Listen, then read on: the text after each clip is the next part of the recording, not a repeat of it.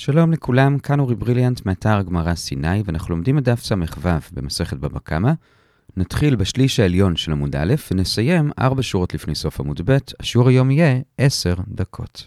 אתמול, תוך כדי השיעור, הזכרנו מחלוקת בין בית הלל לבית שמאי, האם שינוי קונה לגנב. כלומר, אם הוא גנב איזה חפץ או בהמה ומשהו שם השתנה, האם עכשיו זה בעצם שייך לו, והוא לא צריך להחזיר את החפץ עצמו, אפילו שהוא עדיין קיים, אלא הוא יכול להחזיר כסף במקום. אז בית הלל אומרים ששינוי קונה, בית שמאי אומרים ששינוי לא קונה. את זה ראינו אתמול קצת בדרך אגב, אז היום נתמקד בזה, ונדבר גם האם שינוי קונה, וגם האם ייאוש קונה. כלומר, אם ברור לנו שהנגנב יתייאש, האם גם זה עושה שזה הופך להיות עכשיו של הגנב, והוא רק צריך לתת כסף ולא את החפץ עצמו, ואת הדיון על זה נחלק לשני שלבים. בשלב הראשון נראה את הדעות, בשלב השני נראה שתי קושיות לכל דעה.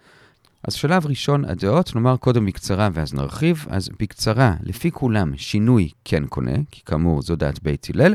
לגבי ייאוש, בזה נראה מחלוקת. זה בקצרה, עכשיו נרחיב גם את הדעות וגם המקורות. אז לגבי שינוי, רבא אומר שקונה, ואף אחד לא חולק עליו, אז משמע שלפי כולם שינוי קונה, וכאמור, ככה גם סוברים בית הלל, ורבא אומר שרואים את זה גם בפסוק וגם בשתי משניות. בפסוק הוא רואה את זה מזה שכתוב, והשיב את הגזלה אשר גזל. כלומר, מתי הוא צריך להשיב את הגזלה עצמה כמו שהיא? רק אם היא עדיין אשר גזל, רק אם היא לא השתנתה, היא איך שהיא הייתה בהתחלה כשהוא גזל אותה. אבל אם היא השתנתה, אז הגנב קנה אותה, והוא כבר לא צריך להחזיר אותה, אלא כסף. זה המקור בפסוק. ואיפה הוא זה במשניות? אז הוא מביא שתי משניות. משנה אחת בהמשך בצדיק ג' עמוד ב', שכתוב שאם הוא גזל עצים ועשה מהם כלים, אז הוא לא צריך להחזיר אותם, אלא הוא מחזיר כסף. ומשנה נוספת בחולין קל"ה, שם היא לא עוסקת בגזלן, אבל בכל זאת נלמד מכאן לגבי שינוי, וזה אם אדם גזז את הצאן שלו, ולפני שהוא קיים את מצוות ראשית הגז, הוא צבע את הצאן, כלומר עשה שינוי, אז הדין הוא שהוא עכשיו פטור מראשית הגז, כי השינוי מחשיב את זה כצמר חדש, ועליו אין את המצווה של ראשית הגז, זה מה שכתוב שם, וכאמור זה לא מדבר על גנב או גזלן, אבל לומדים משם גם לגנב וגזלן, ששינוי יוצר כאן משהו חדש, ועד כאן לגבי שינוי, לרבה ולבית הלל, זה קונה, ראינו את המקור בפסוק ובמשניות.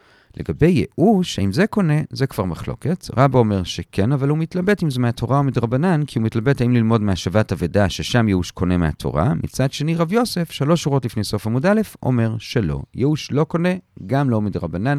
ועד כאן השלב הראשון של השיעור.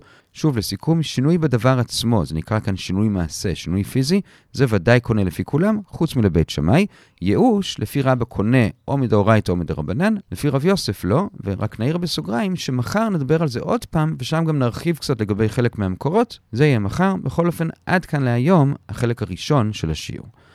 החלק השני זה קושיות, או מצד שני ראיות לגבי ייאוש, וכאמור נראה שתי ראיות לכל צד. נתחיל עם שתי ראיות לרב יוסף שייאוש לא קונה, ואחרי זה שתי ראיות לרבה שייאוש קונה, ובזה נסיים את השיעור להיום.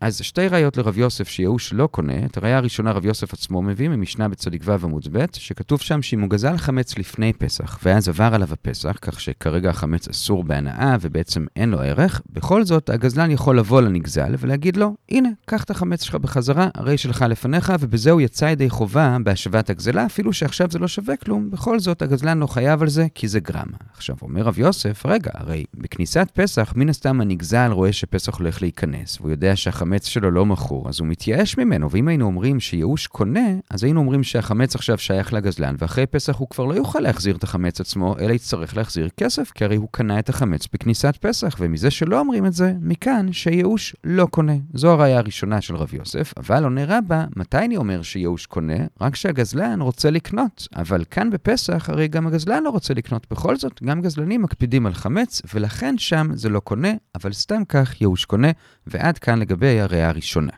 הראייה השנייה לטובת רב יוסף שייאוש לא קונה, זה בשורה השישית בעמוד ב', ואת זה מביא אביי, וזה מברייתא שמדברת על הפסוק בויקרא א', פסוק ג', ואם עולה קורבנו. ואומרת הברייתא שמהמילה קורבנו דורשים שדווקא קורבנו, כלומר הקורבן שלו, ולא קורבן גזול. עכשיו, על מה מדובר כאן? אז אביי מבין שמדובר שהגזלן גזל ממישהו בהמת חולין, ואז הגזלן הקדיש אותה, ועל זה אומר הפסוק שזה לא תופס. עכשיו, על מה מדובר? לפני ייאוש או אחרי ייאוש? אז אם מדובר לפני ייאוש, אז מה החידוש? ודאי ודאי שזה לא תופס, זה בכלל לא שייך לו, איך הוא יכול להקדיש משהו שאינו שלו? אלא מדובר כאן לאחר ייאוש, וזה מה שהפסוק בא לחדש, שלמרות שהיה ייאוש, בכל זאת הייאוש לא קונה לו, ולכן הוא לא יכול להקדיש, אז הנה עוד ראיה שייאוש לא קונה. זו הראייה של אביי, אבל דוחה את זה רבא, אפשר להבין את זה אחרת, שכאן לא מדובר שהוא גזל חולין ורק אז הקדיש, אז באמת עולה השאלה אם זה לפני או אחרי ייאוש, אלא כאן מדובר שהוא גזל את זה כשזה כבר קדוש, כלומר הבעלים של הקורבן הקדיש את זה לעולה, ואחרי זה בא גזלן ולקח את זה, ואומר רש"י בפירוש השני שלו, שבאמת גם כאן מדובר שכן היה ייאוש, ובכל זאת אומרת התורה שהקורבן לא טוב, אבל בכל זאת אין מכאן ראייה שייאוש לא קונה, כי כאן הרי מדובר בהקדש, והקדש ממילא לא שייך לנגזל, אז זה גם לא שלא להתייאש ממנו, לכן כאן לא קונה, אבל באופן כללי, אולי ייאוש כן קונה. זו התשובה של רבא, שמדובר כאן אחרי שזה כבר הוקדש, ולכן אי אפשר להוכיח מכאן לגבי ייאוש באופן כללי. בסוגריים, רבא גם הוכיח שמדובר כאן אחרי שזה כבר הוקדש, מדמיון לברייתא אחרת, שמדברת על נושא אחר לגמרי, וזה טומאת משכב של זב. כלומר, שאם זב יושב על איזה מיטה, אפילו אם הוא לא נוגע במיטה עצמה, הוא מטמא אותה, אבל הברייתא לומדת מהפסוק, ואיש אשר ייגע במשכבו, שגם כאן זה למעט משכב הגזול. עכשיו, במה מדובר כאן? אז אם מדובר שהגזלן גזל צמר והוא עשה מזה מיטה, אז הרי זה שינוי מעשה, זה ודאי קונה לפי כולם. אלא מה מדובר? שהוא גנב מיטה מוכנה כבר, ועל זה אמרה ברייתא שהוא לא מטמא אותה. וממילא, כמו ששם מדובר שהוא גזל מיטה מוכנה כבר, גם אצלנו בברייתא של ואם עולה קורבנו, מדובר שהוא גזל קורבן מוכן כבר. כלומר שהבעלים כבר הקדיש אותו, ולא שהגזלן הקדיש. זה היה בסוגריים ראייה לתחייה של רבא.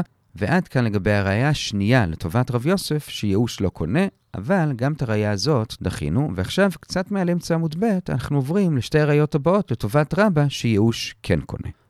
גם כאן את הראייה הראשונה מביא רבא עצמו ממשנה בכלים לגבי אורות, כלומר אור של בהמה. אור של בהמה זה דבר שאפשר להשתמש בו בכמה שלבים, כלומר אפשר להשתמש בו בתור שטיח ואז הוא מוכן די בהתחלה, אבל אפשר גם להחליט לעשות ממנו למשל נעליים, ואז הוא עוד לא מוכן, אלא צריך עוד לאבד אותו. עכשיו, מתי אור מוכשר לקבל טומאה? זה תלוי למה אני מייעד אותו. אם ייעדתי אותו לשטיח ובעצם בזה הוא כבר מוכן, אז כבר עכשיו הוא יקבל טומאה, אבל אם ייעדתי אותו לנעליים וזה עוד לא נעליים, אז הוא עוד לא מקבל טומאה, כי הוא עוד לא הפך למה שאני רוצה שיהיה, אז בעצם זה הכל תלוי במחשבה שלי. עכשיו, מה קורה אם אדם גנב או גזל אורות, והוא במחשבה שלו חשב להשתמש בהם כמות שהם, לשטיח למשל? האם המחשבה הזאת של הגנב או הגזלן מכשירים את האור לקבל טומאה? אז אומרת המשנה שזה תלוי האם מדובר במצב שבו הבעלים התייאשו או לא. אם הם התייאשו, אז המחשבה של הגנב או הגזלן כן מכשירה אותם לקבל טומאה, אם הם לא התייאשו, אז לא. עכשיו, בסוגריים, מתי מתייאשים ומתי לא, אז לפי תנא קמא בגנב בעלים מתייאשים בגזלן, או לפי רבי שמעון להפך, אבל לענייננו מה שמשנה זה שאם הבעלים התייאשו, אז המחשבה של הגנב או הגזלן היא זאת שקובעת. אז הנה ראיה שאם הבעלים מתייאשים, אז הגנב או הגזלן קונים את זה. אז הנה ראיה ראשונה לטובת רבה, שייאוש כן קונה. עכשיו, איך מגיב על זה רב יוסף? הוא אומר, אני עדיין סובר שייאוש בפני עצמו לא קונה,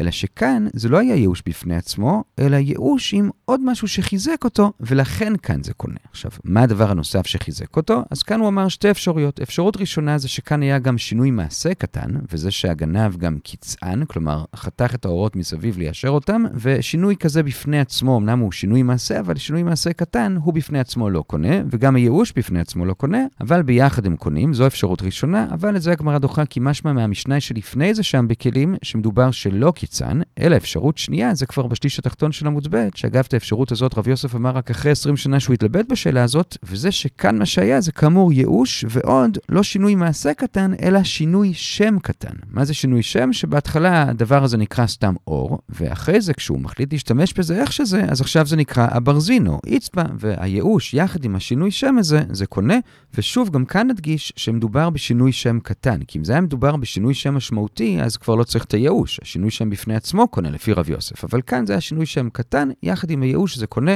אבל ייאוש בפני עצמו זה לא קונה. אז בזה דחינו את הראייה הראשונה לטובת רבה שייאוש קונה, רב יוסף עונה ששם זה לא היה ייאוש לבד, אלא ייאוש ועוד משהו. עכשיו, כרגע אנחנו נמצאים בארבע שורות לפני סוף עמוד ב', וכאן הגמרא פותחת דיון ארוך עד אמצע עמוד הבא, האם באמת שינוי שם קונה, אבל את זה לא נראה היום, נראה את זה מחר בתחילת השיעור. מה שכן נראה זה באמצע העמוד הבא, במילה מייטיבי, את הראייה השנייה לטובת רבה שייאוש קונה, וזה מברייתא שאומרת שאם גנב או גזלן או חמסן גזלו משהו והקדישו אותו או תרמו אותו כתרומה או כמעשר, אז זה תופס. עכשיו, למה זה תופס? הרי זה לא שלהם, אלא כנראה מדובר כאן אחרי ייאוש. אז הנה ראייה שייאוש קונה. זו הראייה השנייה שייאוש קונה, אבל גם כאן דוחה הגמרא בצורה דומה לקושייה הקודמת, שגם כאן לא מדובר על ייאוש בפני עצמו, אלא על ייאוש ושינוי השם, ולכן זה קונה. ומה השינוי שם כאן? שבהתחלה זה היה סתם חולין, ועכשיו זה הפך להקדש או תרומה או מעשר, זה שינוי שם, ולכן זה קונה. עכשיו רק בסוגריים נעיר גם כאן, כמו בקושייה הקודמת, שגם כאן, למרות שבאופן כללי שינוי שם קונה בפני עצמו ולא צריך את הייאוש יחד איתו, אבל כאן הוא כן צריך. ולמה? אז כאן זה לא כי זה שינוי שם קטן, אלא כאן זה כי יש כאן מין מצב של ביצה ותרנגולת. כי הרי הגנב לא יכול לשנות השם של זה עד שהוא לא מקדיש את זה, רק ההקדש זה מה שמשנה את השם, אבל הוא גם לא יכול להקדיש, כי זה לא שלו בשביל להקדיש, אז הייאוש נותן איזשהו פתח לשנות את השם, ואז השינוי שם גורם לזה להיות לגמרי שלו, כך שהוא כן יכול להקדיש, וככה במין מעגל קסמים כזה, הוא מצליח לקנות את זה על ידי הייאוש ושינוי השם, ותוך כדי גם להקדיש את זה, אבל אם זה היה רק ייאוש, אז זה לא היה קונה לפי רב יוסף.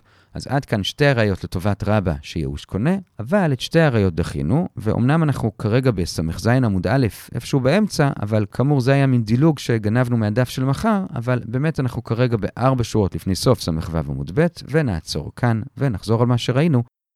התחלנו היום להתמקד בקנייני גזלה, ודיברנו היום על שינוי מעשה וייאוש. האם זה דברים שקונים? אז בחלק הראשון ראינו את הדעות, ואמרנו ששינוי מעשה כן קונה, כך שהגנב או הגזלן לא יצטרכו להחזיר את החפץ עצמו, אלא כסף, ורב הביא לזה מקור גם מפסוק וגם ממשניות, מהפסוק והשיב את הגזלה אשר גזל, וממשניות, שאם הוא גזל עצים ועשה מהם כלים, אז מספיק שיחזיר את הכסף ולא את הכלים עצמם, ואם הוא גזז צאן וצבע אותו, אז הוא שינה אותו והוא פטור מראשית הגז, זה שינוי מעשה, זה קונה. לגבי ייאוש, רבא אמר שקונה, הוא מתלבט אם דאורייתא או דרבנן, רב יוסף אמר שלא, זה היה בחלק הראשון. בחלק השני ראינו ראיות לכאן ולכאן, אז שתי ראיות לטובת רב יוסף שאמר שלא קונה, זה מגזל חמץ ועבר אבל הפסח, שהוא יכול להחזיר את זה כמות שהוא, ולא אומרים שהוא קנה בייאוש והוא צריך להחזיר כסף, אבל רבא ענה כי שם הוא לא רצה לקנות, וראיה שנייה שייאוש לא קונה זה מהברייתא על הפסוק וימולא קורבנו, שדווקא קורבנו ולא הגזול, כלומר אם הגזלן הקדיש זה לא תופס, והחידוש הוא שלמרות שהיה ייאוש הוא לא קונה, ולכן הוא לא יכול להקדיש. זו הראיה השנייה, אבל עונה רבא, שם דובר שהוא גזל את זה כשזה כבר היה מוקדש, וממילא לא לא הנגזל להתייאש ממנו, ואין מכאן ראייה, אז אלה היו שתי ראיות לטובת רב יוסף שלא קונה, אבל דחינו. שתי ראיות לטובת רבא שכן קונה, זה ממשנה בכלים שאם הוא גנב או גזל אורות, אז אם הוא חשב להשתמש בהם כמות שהם, אז אם הבעלים כבר התייאשו, אז המחשבה של הגנב או הגזלן מכשירים אותו לקבל טומאה, אז אתה רואה שהייאוש קונה, וראיה שנייה שייאוש קונה זה שאם הוא גנב או גזל ואז הקדיש, אז ההקדש תופס, ולמה הוא תופס? הרי זה לא שלו, אלא כנראה שבעלים התייאשו וייאוש קונה. אלה שתי ראיות שקונה, אבל את שתיהם בסוף דחינו בצורה דומה, וזה ששם זה לא ייאוש בפני עצמו, אלא ייאוש עם שינוי השם, לכן זה קונה. אבל ייאוש בפני עצמו, לפי רב יוסף, לא קונה. ומחר נדבר על שינוי השם הזה, שרב יוסף אמר שהוא קונה בפני עצמו, בינתיים כל טוב.